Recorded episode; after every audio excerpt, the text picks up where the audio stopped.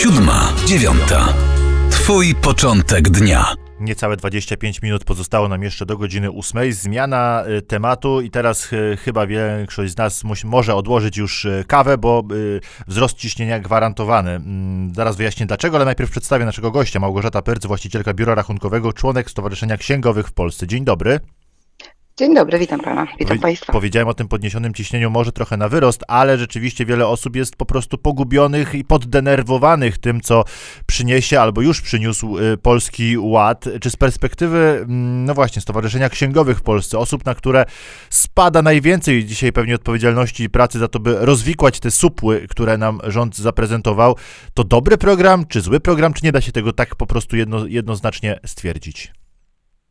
Panie redaktorze, chyba nie mnie oceniać, czy to jest dobry program, czy to jest zły program, natomiast jest to z pewnością program e, Polskiego Ładu, który bardzo utrudnia życie e, i pracę e, nie tylko księgowym, ale utrudnia e, rozliczanie podatków. I myślę, że niestety dla wielu z e, podatników może być po prostu niekorzystny. Co już zresztą zauważyliśmy na przykładzie pierwszych e, wynagrodzeń wypłaconych dla nauczycieli i mundurówki, tak. Dla tak zwanych pracowników budżetowych, którzy dostają wynagrodzenie z góry. Myślę sobie głośno, że nasi słuchacze mm, e, no, słyszą też pewnie od premiera, że to była wpadka, że to były pewne takie e, pierwsze potknięcia, jak to przy dużej reformie, ale że wszystko się ułoży. Mm, No właśnie, czy się ułoży, bo e, tak naprawdę mm, jest dużo tych znaków zapytania, czy korzystać z jakiejś ulgi, czy nie, czy dopytywać w kadrach o nasz PIT-2, czy my go złożyliśmy, czy nie, czy go składać, czy nie. Wreszcie, czy na koniec roku nie okaże się, że te małe pożary z początku roku to dopiero będą w przyszłym, kiedy e, przyjdzie do rozliczenia PIT-ów za e, właśnie 22 już rok. E, oczywiście to, jak były policzone wynagrodzenia, one były policzone zgodnie z obowiązującym prawem na dzień 1 stycznia 2022 roku. Różnice, które wynikały w wynagrodzeniach, nie wynikały z błędów pracy księgowych, absolutnie nie. Mhm. One wynikały choćby z tego, że nauczyciele bardzo często pracują na kilku etatach.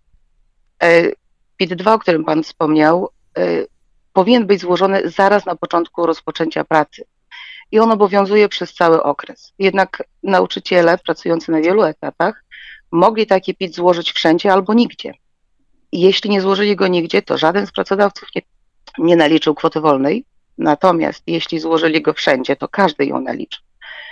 I stąd mogła wynikać różnica, to jest 425 zł miesięcznie, Duża a suma. oprócz tego, no spora suma oczywiście, a oprócz tego od 1 stycznia składki zdrowotnej w wysokości 9% wynagrodzenia nie odliczamy od kwoty podatku.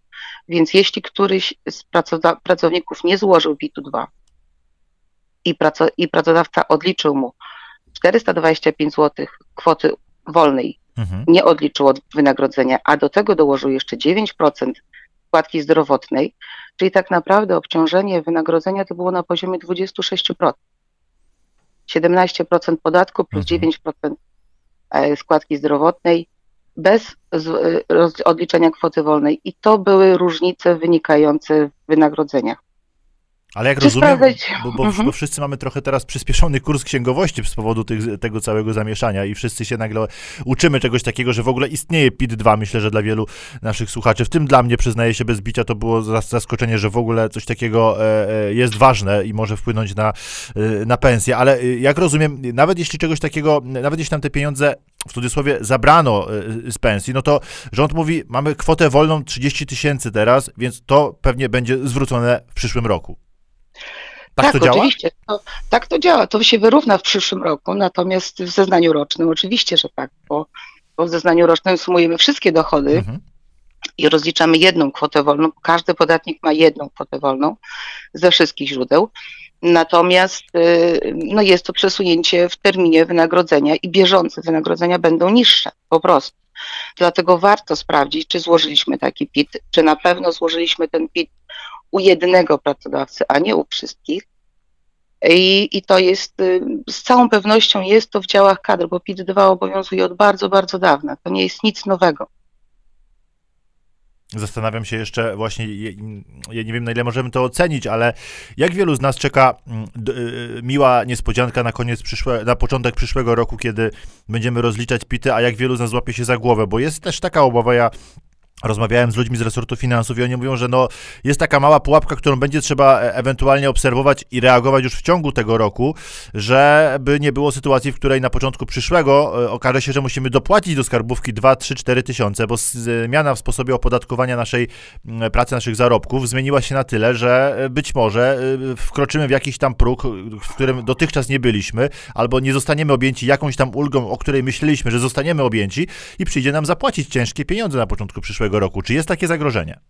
Jest takie zagrożenie, szczególnie teraz, kiedy 7 stycznia wyszło rozporządzenie ministra finansów o tym, żeby, w skrócie powiem, żeby przeliczać wynagrodzenia e, wypłacone już w styczniu 2022 roku na podstawie przepisów, zgodnie z przepisami obowiązującymi na koniec stycznia 2021. Mhm. Może to spowodować, że e, w tej chwili niektórzy dostaną zwrot, niektórzy pracownicy dostaną zwrot e, od pracodawcy, tak, e, zwrot za pobranej zaliczki, ale to w zeznaniu rocznym wyjdzie.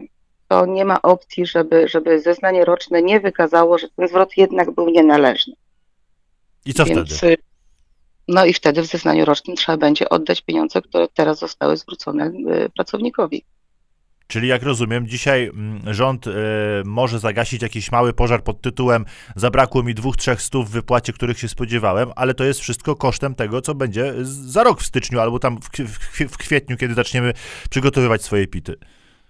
Y, powiem tak, y, usłyszałam takie fajne określenie, że Ministerstwo Finansów gasi pożary benzyną. Mhm. I w tym przypadku chyba rzeczywiście miałoby to swoje odniesienie. W mojej opinii tak jeśli nawet teraz będą zwroty, to one będą y, w przyszłym roku, będą musiały być zwrócone w zeznaniu rocznym. Ciekawe, ciekawe zagadnienie. E, zastanawiam się też głośno, bo pewnie odmierają Państwo jako księgowi mnóstwo e, telefonów e, z pytaniami, z zastanowieniem się, co zrobić, jaki PIT złożyć, czy się rozliczać na uldze, czy nie na uldze, czy korzystać, czy składać pisma i tak dalej, i tak dalej. Czy dzisiaj ten stan wiedzy i też pewność prawa jest taka, że wy możecie z ręką na sercu i z pewną, pełną świadomością coś doradzić podatnikowi? Nie, to jest największy kłopot, że niestety nie. Choć w ostatnich dniach ministerstwo dwoi się i troi, żeby jak najszybciej dawać odpowiedzi na, na różne pytania, choćby związane z ulgą dla klasy średniej, która też ma bardzo dużo pułapek, bardzo dużo niewiadomych. Ulga dla klasy średniej z założenia miała niwelować e, pobór e, składki zdrowotnej na mhm. poziomie 9%, nieodliczalnej od podatku. Natomiast y, ludzie nie wiedzą, czy mają korzystać, czy mają nie korzystać. Jak oszacować swoje y, przyszłe wynagrodzenie? A co jeśli w grudniu dostanę jakąś premię od y, swojego szefa? No, trzynastą, trzynastą pensję. Mhm. A co jeśli y, mam bardzo wysokie wynagrodzenie jako kobieta, jestem w ciąży, idę na macierzyński? To jest zasiłek, który nie jest sumowany i, i na początku roku może być mi pobierana zaliczka na związana z, mhm. pomniejszona o tą ulgę dla klasy średniej. Natomiast y, we wrześniu rodzę, idę na macierzyński i nie mam, nie przekraczam limitów, tak, bo stosowanie ulgi klasy średniej jest y, ściśle określone w progach podatków, w progach kwotowych przychodów, tak. Mhm. I, i, I przewidzenie, co się będzie działo, jak się będzie działo, czy, do, czy, nie, czy nie stracę pracy na przykład, tak? Mhm to jest kolejne, kolejne, kolejne, y, kolejne zagrożenie, na które pracownik może nie mieć wpływu i którego może nie przewidzieć. I na które to pytania dzisiaj księgowi, uczciwi księgowi powiedzą, nie wiem, przepraszam, ale nie wiem. Y, w większości przypadków tak. To jeszcze dopytam, bo y, wiele z nas się rozlicza wspólnie z małżonkiem albo małżonką y, i zastanawiajmy się wszyscy, y, czy to jest dalej dobra opcja, czy na przykład taka ulga wtedy obowiązuje dzielona na dwa, czy trzeba ją rozliczać samodzielnie, czy też znów tego jeszcze nie wiemy. Tu odpowiem uczciwie, nie wiem. Nie wiem, dlatego że y, przypadki są bardzo różne. Y, rozliczenie wspólne małżonków obowiązuje nadal. Tutaj nie ma różnic, nie ma, nie ma żadnej zmiany. Małżonkowie mogą się rozliczyć razem, ale pytanie, które mnie na przykład bardzo nurtuje, co w sytuacji, kiedy jeden z małżonków zarabia bardzo dużo i przekracza górny próg, Mhm. czyli jest, jego przychody są powyżej 133 tysięcy, a drugie z małżonków nie pracuje, bo na przykład zajmuje się domem, rodziną, Mhm. z różnych względów nie Mhm. pracuje. Czy w takim razie ulga należy się jednemu z nich? Się nie należy, bo nie pracuje, drugiemu się nie należy, bo przekroczył próg.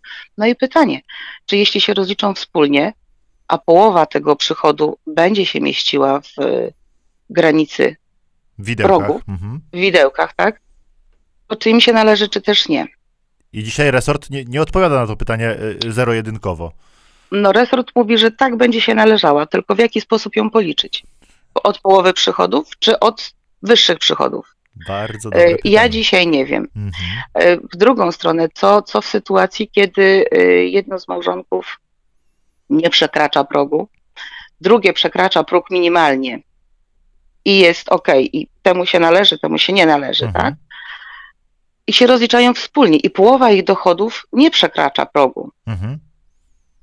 I czy im się wtedy należy, czy może jednak powinni się rozliczyć oddzielnie, ale oddzielne rozliczenie nie będzie dla nich korzystne, bo mają większą kwotę wolną, tak? No Rozliczając się wspólnie mają podwójną kwotę wolną, więc co wybrać? Skorzystać z kwoty wolnej, czy skorzystać przez jednego z małżonków z ulgi dla kasy średniej, czyli dochody powyżej 60, przychody powyżej 68 tysięcy, czy też nie? Bo jeśli tamci mogą od połowy policzyć, to czy ci mogą od połowy nie policzyć? Ich pytań jest naprawdę mnóstwo i to, yy, to bardzo utrudnia fakt. Powiedzmy, rozliczenie roczne jest w przyszłym roku, ale co robić na bieżąco? Oszczędzać, y, inwestować, y, pozwalać sobie na wakacje droższe, tańsze, czy lepiej nigdzie nie wyjeżdżać, bo trzeba będzie tego pasa mm, zacisnąć. To, żeby było jeszcze trudniej, to dorzucę, bo y, rząd przekonuje, że do jakiegoś tam poziomu, powiedzmy chyba 12 800 na umowie o pracę, nikt nie będzie stratny. E, Nawet jestem w stanie to przyjąć, nawet jestem w stanie to uwierzyć, powiedzmy optymistycznie przy piątku, że, że rzeczywiście na koniec roku przy rozliczeniu to może wyjść na plus. Ale co jeśli na przykład część z nas ma umowę o pracę na kwotę X, ale gdzieś sobie dorabia jakimś zleceniem, jakimś umową o dzieło, y, różne są sytuacje y, y, w życiu. Czy ta kwota nam też się powinna doliczyć na przykład, czy, czy, czy nie? Czy znów trzeba powiedzieć, jeszcze nie wiemy. Yy, Nie, ulga dla klasy średniej jest dla pracowników Mhm. i przedsiębiorców rozliczających się na zasadach ogólnych. Więc umowy zlecenia, umowy o dzieło nie są wliczane do limitu ulgi dla klasy średniej. To przepraszam, dobrze, czy dobrze rozumiem, przepraszam, że, że wejdę w słowo, ale czy dobrze rozumiem, że to jest trochę taka tendencja, nie wiem, czy y, y, y, taka y, instynktowna, czy mm, celowa, ale do wypychania ludzi na umowę o zlecenie? No, um, na umowę zleceniu nie ma pan ulgi y, dla klasy średniej w ogóle. Mhm. No ale jeśli na przykład mam umowę o pracę na poziomie takim, że się mieszczę w tym, ale już jestem pod górną granicą, to za chwilę lepiej dogadam się z pracodawcą, żeby mi część dał na zlecenie. I tu, że tak powiem, tak, myślę, że to jest wyjście. Wprawdzie pan mi je w tej chwili podsunął, ale, ale tak rzeczywiście I pokazuje mi tylko, jak, tak jak pan wspomniał na początku, y, Zerwało Panią Małgorzata, jeszcze się spróbujemy raz e, za chwilę połączyć, ale jak Państwo słyszą, no absolutnie jest e, mm, duży galimatias, że tak powiem, delikatnym, łagodnym słowem, a nie, e, a nie ład, przynajmniej jeśli chodzi o skomplikowanie tego systemu, bo tych furtek, możliwych interpretacji i też możliwych przypadków w życiu, jak to w życiu jest dużo, ustawodawca pewnie nie wszystkie, nie wszystkie przewidział, a galimatias, jak już wspomniałem, jest spory. Pani Małgorzata znów z nami. Chciałem jeszcze do, do, dopytać, trochę puentując naszą rozmowę, bo mm, y, pewnie będzie ktoś z naszych słuchaczy, kto zapyta, a dlaczego wy tego wszystkiego nie zgłosiliście wcześniej temu rządowi? Przecież ten e, polski e, ład powstawał chyba od lipca, jeśli dobrze pamiętam, na poziomie ustaw, był w parlamencie, może trzeba było przyjść do ministra, powiedzieć, panie ministrze, tu jest za dużo e, galimatiasu w tych przepisach, trzeba to uporządkować.